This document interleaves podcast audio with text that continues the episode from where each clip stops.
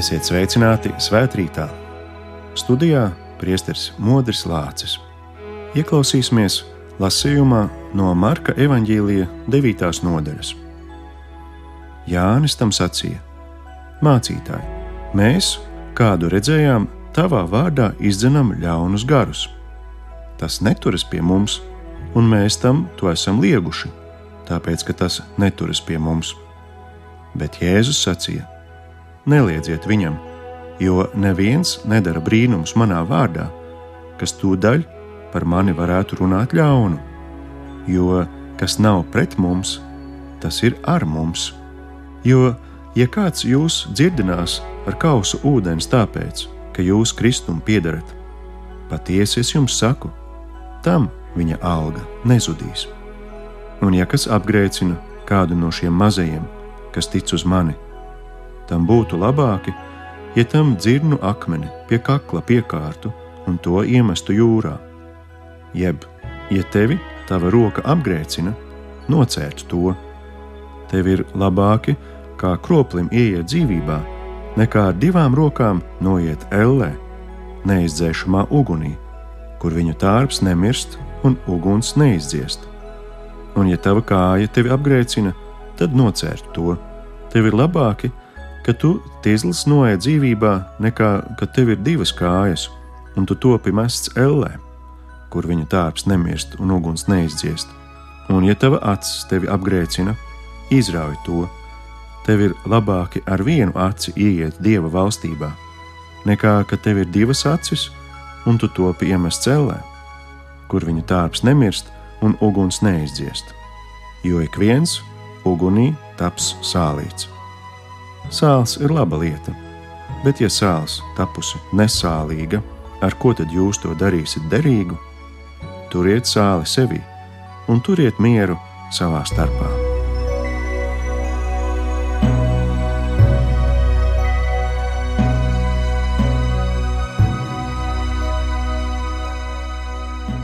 Šodien evanģēlīja fragmentā dzirdējām par mācekļu neapmierinātību. Viņi satikuši cilvēku, kurš Jēzus vārdā dara brīnumus. Mācekļi atzīst, ka viņu mēģinājuši apstādināt, apturēt. Jautājums ir par veidu, kā mēs sekojam Jēzum. Mums jāseko kā mācekļiem, jākļūst par īstiem, godīgiem mācekļiem. Ko tas ietver? Vai tā ir tā īstā piederība Jēzum Kristum, vai tā ir piederība viņa baznīcai? Cik lielā mērā mēs esam kopienā, grupā, kolektīvā, sociālajā kopā. Cilvēks ir aicināts būt sabiedrībā. Mēs esam sabiedriskas būtnes. To īpaši asi sajūtam tad, ja esam spiesti palikt mājās, izolācijā. Ja mums ir ierobežota iespēja satikties un sazināties ar citiem, jūtam, ka cik mūsu iekšējā pasaule cieš no tādas piespiedu vienatnes, vientulības un vienpatības. Taču, lai mēs spējam pieņemt otru cilvēku, mēs zinām, cik nepatīkami, ja mūs atstumj, izraida no kādas komandas vai grupas, bet vai mēs paši bieži vien nerīkojamies līdzīgi? Mācekļi nevēlas pieņemt par savējo to cilvēku, kurš nav bijis ar viņiem kopā. Varbūt viņš ir autodidakts, varbūt mācījies atsevišķi pie Jēzus. Kāpēc viņš nav mūsējais? Kāpēc viņš ir svešais? Viņš ir atšķirīgs, gājis citu ceļu, tāpēc mēs viņu nelabprāt pieņemam. Viņš ir aizdomīgs, neusticams. Šāda izslēgšana ir diezgan raksturīga cilvēka dabiskajam uzvedības modelim. Mums vispirms ir jāpārbauda cilvēks, lai viņam uzticētos. Tomēr var gadīties, ka tieši uzticība ir pirmā, un kamēr neesam vīlušies otrā cilvēkā, kamēr viņš nav sagrāvis mūsu uzticību, tikmēr varam joprojām viņam uzticēties. Baznīcai ir arī īpaša sociālā mācība, jeb sabiedrības mācība. Tā skaidro un dod padomus, kā kristietim iekļauties sabiedrībā, kā piepildīt savu pilsonisko, sabiedrisko un cilvēcisko aicinājumu. Kad apstuļi Jēzum teica, mums ir labi šeit būt, mēs celsim savas teltis, paliksim šeit. Tad Jēzus apturēja šo kārdinošo ideju. Vispirms izpildi savu uzdevumu. Vārds apgrēcināt vai citā tulkojumā iejaunot ir diezgan neskaidrs. Taču grieķu koinē valodā tas nozīmē likt kādam šaubīties par ticību. Cik bieži pat mums, kristiešiem, ir šāds pārkāpums ar savu uzvedību, ar saviem vārdiem, ar savu rīcību, mēs neesam darījuši kristietību pievilcīgāku, simpātiskāku un intriģējošāku, bet nereti atbaidošu, neinteresantu, garlaicīgu un nepārliecinošu. Tas ir stāsts par daudzu cilvēku neticību, kurā nereti vainojami paši kristieši. Tātad arī mēs esam ieļaunojuši, jeb apgrēcinājuši savus līdzcilvēkus. Tātad arī mums dažkārt pienāktos uzkārt dzirnakmeni kaklā un iemest jūrā. Bībeles pētnieki secina, ka domāts ir liels dzirnakmens, ko grieza ēzeļi, vēši vai zirgi, nevis rokas dzirnavu dzirnakmens šo lielo dzinakmeni uzmauktu kaklā. Tāda ir darbības vārda tiešā nozīme. Mēs zinām, cik noderīgs ir glābšanas riņķis, lai nenoslīgtu. Savukārt šis ir riņķis, kas liek noslīgt. Taču arī roku dzirnavās lietotais dzinakmens, ko piesienu virvē, ir pietiekami smags, lai mēs nevarētu vairs izpeldēt. Šāds ir sots par ieļaunošanu. Secinām, ka tāda darbība sodām ar nāvi. Tas ir viens no noziegumiem, par kuru pienākas nāves sots. Lai gan mūsdienās lielākajā daļā valstu nāves sots ir aizstāts ar mūža ieslodzījumu, pats jēdziens saglabājas un liek mums aizdomāties. Mēs saprotam, ka nāves sodu varētu piespriest par īpaši smagiem noziegumiem, par slepkavību, par nežēlīgu mocīšanu un tam līdzīgi.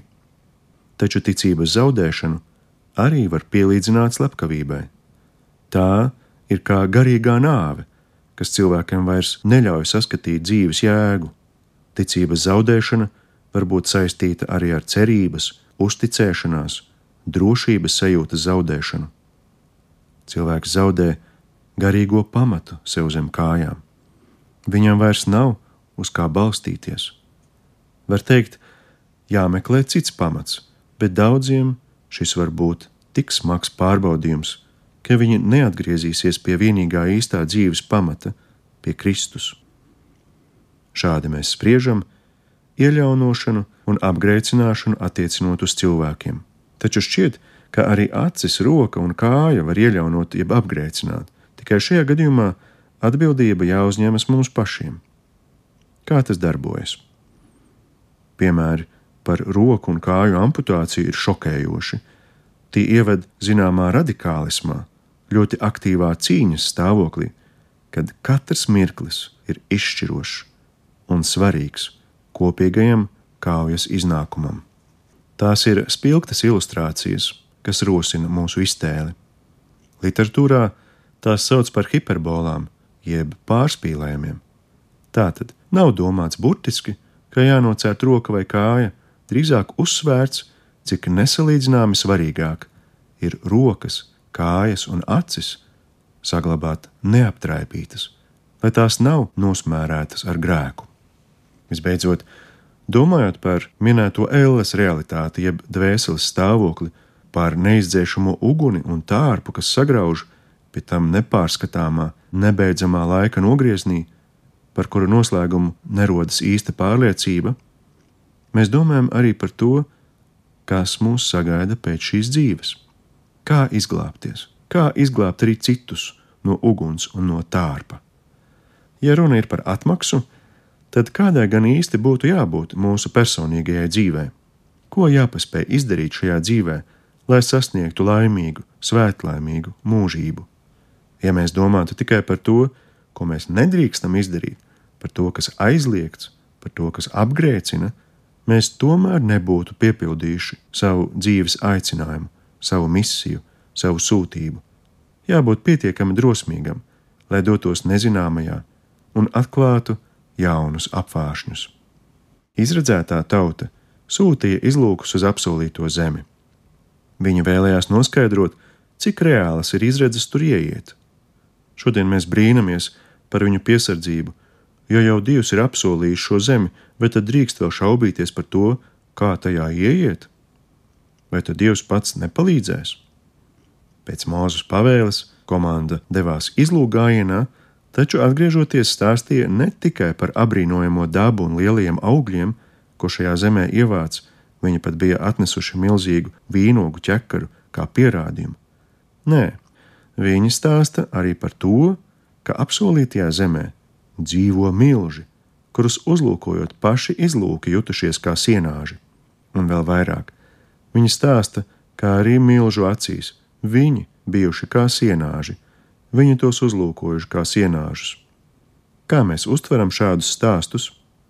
Vai tās nav bailes no brīnuma, no lielajām dieva dāvanām, bailes no tā, ko mēs mīlam? Dzīves piepildījums ir arī uzdrīkstēšanās. Zenta Mauriņa, pārfrazējot Platonu, saka: Uzdrīkstēties ir skaisti. Šodien būt un palikt kristietim ir uzdrīkstēšanās. Tas ir apliecinājums dziļai ticībai. Tā ir atbilde uz dieva aicinājumu. Un tas ir izaicinājums tik daudzu citu iespēju vidū izvēlēties sekot Kristum. Mācekļu attieksmē pret nelegālo eksorcistu parādās vēl kāda nianse. Tā atspoguļo 70 gudro pravietošanas fenomenu Mūzes laikos, kad divi no viņiem pravietoja nometnē. Jozua uzskata, ka viņiem vajadzētu aizliegt, bet Mūzes jautā, vai tu esi skaudīgs manis dēļ? Šī skaudība un greizsirdība mūsos parādās arī tad, kad otrā cilvēkā pamanām dažādas dieva dāvanas. Mūsos parādās vēlme pārvaldīt šo jomu. Mēs it kā kļūstam par dieva gribas ekspertiem un kļūstam šķietami labāki par citiem. Taču tas ir ceļš uz lepnību. Vienlaicīgi tā ir nepateicība par tām dāvanām, ko jau esam saņēmuši. Varbūt šie talanti pazūd, ja tos neliekam lietā, netrenējam, neizkopjam, neuzspodrinām. Secinām, ka īstā un pareizā attieksme pret dieva brīnumiem, kas parādās jeb manifestējas citos cilvēkos, ir pateicība un dieva slavēšana. Jozua ir īpaša personība ebreju tautas vēsturē. Viņu varētu nosaukt par mūzes pēcteci, par viņa amata pārmantotāju. Viņš ir līdzās mūzum un saprot, cik mūzes ir pārāks par viņu, taču pēc mūzes nāves viņš turpina viņa misiju un ieved tautu apsolītajā zemē. Viņa darbošanās līdzās mūzum ir kā skola, kā mācekļa gadi pie meistara. Pakāpeniski viņš pats kļūst par profesionāli un meistaru. Viņa vārds sakrīt ar paša Jēzus vārdu. No daudzajiem Jēzus pirmtēliem vecajā derībā, sākot ar veco Ādamu, kuru varētu nosaukt par pretmetu, taču kurš izskaidro jauno Ādamu un nepieciešamību pēc jaunā Ādama, ar Mūzu un ķēniņu Dāvidu, Jozo, ir tik svarīgs Jēzus darba un misijas piepildīšanas izpratnē. Viņš mācās nebūt skaudīgs. Viņš top par tautas vadoni. Viņš ir atbildīgs un nopietns savos jaunajos pienākumos. Viņš uzdrīkstas un ir drosmīgs. Šodienas cilvēks atkal ir jēgas meklējumos. Mēs attopamies un ieraugām, ka tas, kas agrāk piešķīra jēgu mūsu dzīvē, vairs nedarbojas. Mēs dažkārt nejūtam piepildījumu tajā, kas agrāk mūsu dzīvi darīja jēgpilnu. Šķietama nepastāvība, nedrošība, mainība, neziņa par rītdienu kļūsi jau ierasta. Izsekojot Mūzus un Jozo gaitām, bet līdzīgi arī jebkura ievērojama un mazāk ievērojama cilvēka dzīves stāstam, mēs uztveram viņu dzīvi kopumā un pārliecināmies, ka viņu dzīve ir skaidrs un noteikts devums cilvēcei. Nedz Abrahams, nedz Mozus nāves brīdī nesūdzas, ka viņu dzīvē nav bijusi jēga. Pat īeps, diskutējot ar draugiem un nolādot dienu, kad piedzimis, nonāk līdz jautājumam, par ciešanu bezjēdzīgumu. bet neapšauba iespējamo dziļāko nozīmi.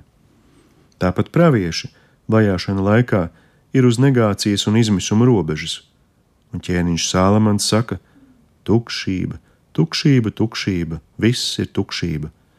Taču Sālamana pārdomas ir jautājums arī mums: kāda jēga ir tavai dzīvei? Tas nav pārmetums, tas nav pazemojums un apvainojums. Drīzāk tas ir aicinājums domāt, meklēt, jautāt. Cilvēces meklējumi un centieni, sinerģija, kopīgs vienprātības spēks spēj izmainīt pasauli. Mums katram ir sava loma cilvēces vēsturē. Visticamāk, mūsu nepaliks zem vēsturnieka lupas, nepievilks klāt un nepiezīmēs uz lielā vēstures ekrāna, lai parādītu, cik mēs esam bijuši svarīgi. Taču Dieva priekšā tu neesi mazāk svarīgs kā lielie politiķi un līderi. Tie, par kuriem Hēgelis sacīja, viņos iemiesojusies pasaules dvēsele. Žaka Maritēna integrālais humanisms parāda ceļu uz dzīves piepildījumu. Arī sirmā vecumā, atskatoties uz savu dzīvi, mēs nedrīkstam teikt, ak, nekam nebija jēgas.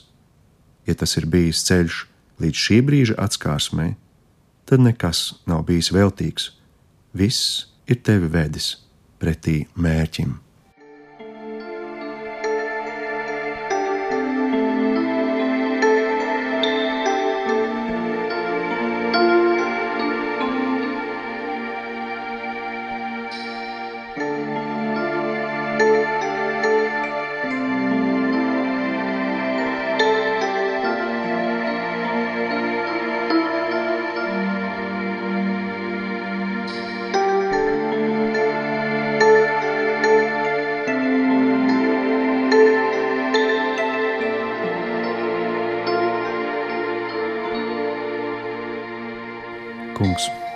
Mēs tevi lūdzam, dāvā mums savu svēto garu, lai mēs saprotam, ka tu mūs esi radījis noteiktam mērķim, ka tu mūs esi veidojis un laidis pasaulē, lai mēs kaut ko labu izdarītu. Un mēs zinām, ka tu esi mīļš tēvs, ka tu esi glābējs un ka tu esi tas, kurš mūs dara svētus. Ļauj mums piepildīt savas dzīves uzdevumu. Tēvs mūsu, kas esi debesīs, svētīts lai top tavs vārds, lai atnāk tava valstība, tavs prāts, lai notiek kā debesīs, tā arī virs zemes. Mūsu dienascho maizi dod mums šodien, un piedod mums mūsu parādus, kā arī mēs piedodam saviem parādniekiem, un neieved mūsu kārdināšanā, bet atpestī mūs no ļauna. Āmen!